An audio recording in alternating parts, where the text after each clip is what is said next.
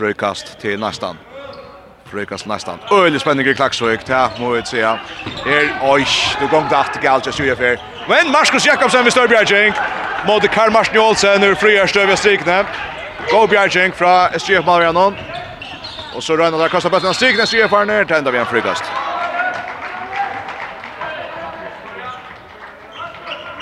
Her holder vi andre minutter etter å holde seg. Vi det så jag det sen förskott jag till strömmen så här är det håller andra mot efter vi klax så vi kan vara livet nu. Om några klax så skulle lusta och kanske i höll det kan man så hända sig. Här är en och tjo till Tim Klaxvik. Och här är konkurröja sent att få avgrätta den senaste halva andra minuten. En kajafär ligger. Här är det nästan att komma i mitten där ser fall uppe men Gonger till kör handbollsspelare men David Danielsen han är så ända så vi kommer jukten och är för det skorar han öliga samfram ut i högra vantje vi sen en högra arme. Harst och näft och långt så gör Malnon hes för uppe senast nere David Danielsen med sin örmale 5 og 4 sekunder etter 36 Nujjan til nästan og i Klaksvik er halver andra minutter etter nå vi er spalt ikke opphatt her her 21-20 til Team Klaksvik Morsen Kristensen oppe i Kjota og hoppast til i Mali 1-2-1-2 umiddel Team Klaksvik og KF Nästa man fram fram här och tar missa bøtt latter här är Lloyd Johan Chambers spel att at tåsa hem om här vi får se Men det strøm fyrir enda, og kan SJ pinta detta ner till. Tar i 8 för vi tjej, någon 6 och 3, vid 22 här är og 8 sekund efter. Martin Danielsen skipa spelet har vi gärna kanske ända väl här har vill man alltid men det har vi shit näst. Väl tja. Jag ser ju att de bara har såna nu Roma missar bollen natter och blockera få en åter Jans Presta för in mot Mine innan stegna Ivan Merdal för vänster och han skorar och så är det sen av i hand 6 och 3 till 3 vi ända där till nästan Ivan Merdal som måste få alltså femte mål här och i Klaxvik är just en mot ett och Team Klaxvik har tagit time out och här är Jan Lager 21 21 här är en ölig spännande minuter och i vant då här Her er en dystri havn her i Her er en dystri havn her i SGU byrja som, jeg vet ikke hva, og at oss her er at Ordla Skaga nestan kommer fra 5-0 lango, Arne vil spalt i 5 minutter, så byrja nesten Spaga kom at halvna, og så bratt jeg at han støvna 95 til SGU. Så skrattna jeg. Fra 26, så så, da, da fikk jeg nye 26, så kom SGU opp på 26, og så etter 90 minutter var 22-22, Jag ska få en första reaktion här från nästa någon. Rasmus Söby vi tackar för skon, okej? är jag tackar för skon. Tuttar sen så nu. Eh Rasmus Söby som i annars skriver 4-5 mål till man för att vara nyckelunta. Det kommer att om 5-0 ut där. säger du?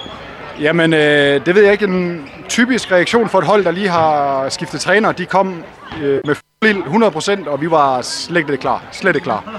Men det kommer så vel og vildt naturligt. Eh, hvordan spiller til at det så fra gænker så godt?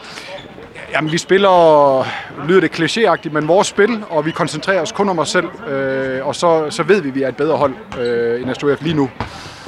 Akkurat. Øh, som hva, liksom, hva, hva, var det nekka selv til Gjørto for at brøyta, brøyta gongna så taktisk og middeltikken som skipper spelet? Nej, altså vi, øh, vi havde jo lagt en taktik, og hvad ville vi køre, og, og det, det blev vi med med at gøre, selvom vi kom bagud 5-6 øh, mål. Øh, så, så holdt vi taktikken, og, og, og det var heldigvis godt nok til at vinde kampen i dag også. Tack så mycket. Det kaotiskt. Det gick nek att fram. vad det säger spela? Eh, ja men alltså STIF är ju de kan godt lide at spille det her kaos håndbold og de er gode til det. Eh, men eh, jeg synes vi laver nogle øh, nogle udskiftninger i dag der gør at det stresser det endnu mere og i stedet for at slå koldt vand i blodet så spiller vi med på det her kaos håndbold. Det får brukt brettene nok så vel. Nek var match listan og skifta nek vi ut og om vi som sier, nokre av tamnutjæsten kommer øye vel vinn og hvordan hvordan kjenner du at det er fire nå som li? Øh, jamen, øh, vi kan mærke, at vi har flere spillere, der byder ind. Altså, de unge får chancen nu, og øh, det er jo vores træner, der har tillid til dem. Øh, vi har mistet en del spillere fra sidste år, og så har vi fået nogle unge spillere ind, der gør det rigtig godt lige nu. Jag skulle stäffa så KF har ju slags shot där i Klaxvik och där tycker jag att för att vinna 5 sekunder efter, jag vet inte vad det för ända vi har på. Men det är öjlig spännande grej Klaxvik i kvart i för. förr. Kan ska vi lukka hett allt för ändra på en streak så short det. Jag är också hänt i för förr kunde vi se.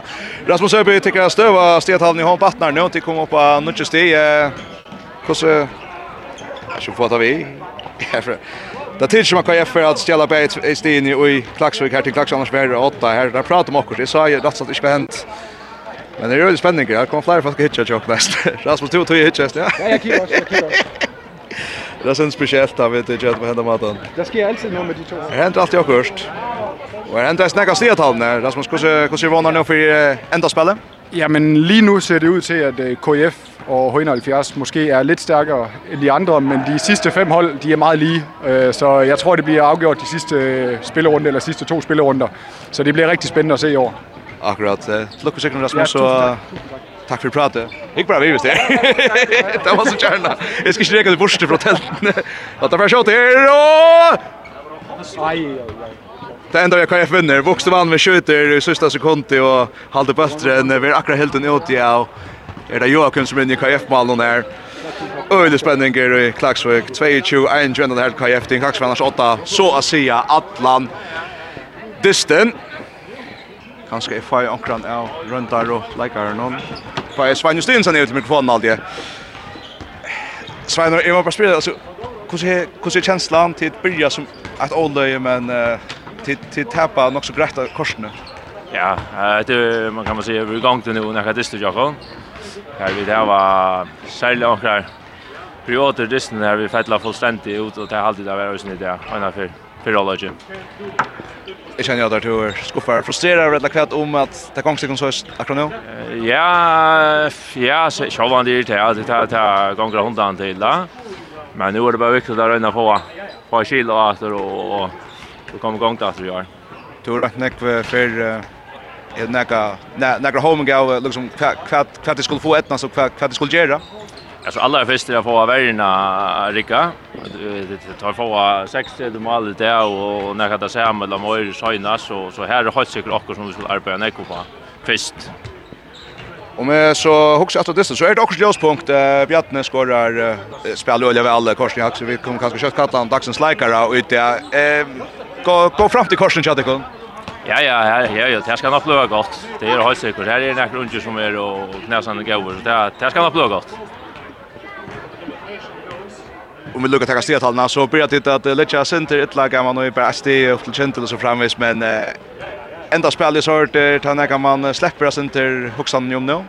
Nej, nej, inte en, Det är förtullen, det är alltid, det är nog så tatt än, men, men det är bollar oss öppna hvis vi skulle komma i enda spel. Men vi färdas vara röjna, att vi kunde. Gå ett med tog vi vikliga så ja, Kvänder. Tack för det. Så vi tackar Svein Justinsen för det här. Radio S Ornio just som man säger till ett hatt ännu och iver över och kör out just hur sätta blev att öjliga gott. Jag nu jag går där väl ska se jag vill se jag vill man kommer in i kväll där. Fyra.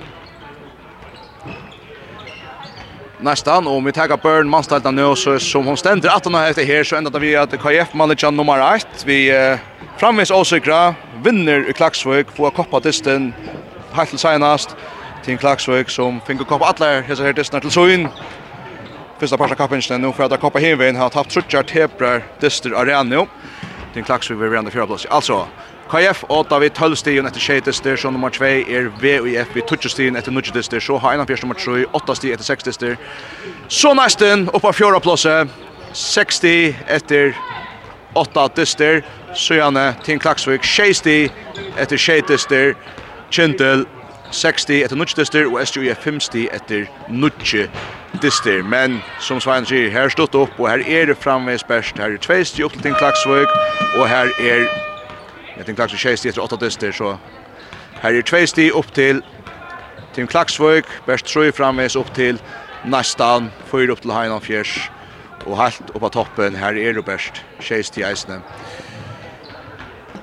Så han kjær til Burnman staltne og SMS staltne leita sinter uh, meire utskilling etter Østlinjen det her da så er Kintel er 8 vi 14 stigen etter 8 dyster. Så er det Heinan Fjers 11 sti etter 6 dyster.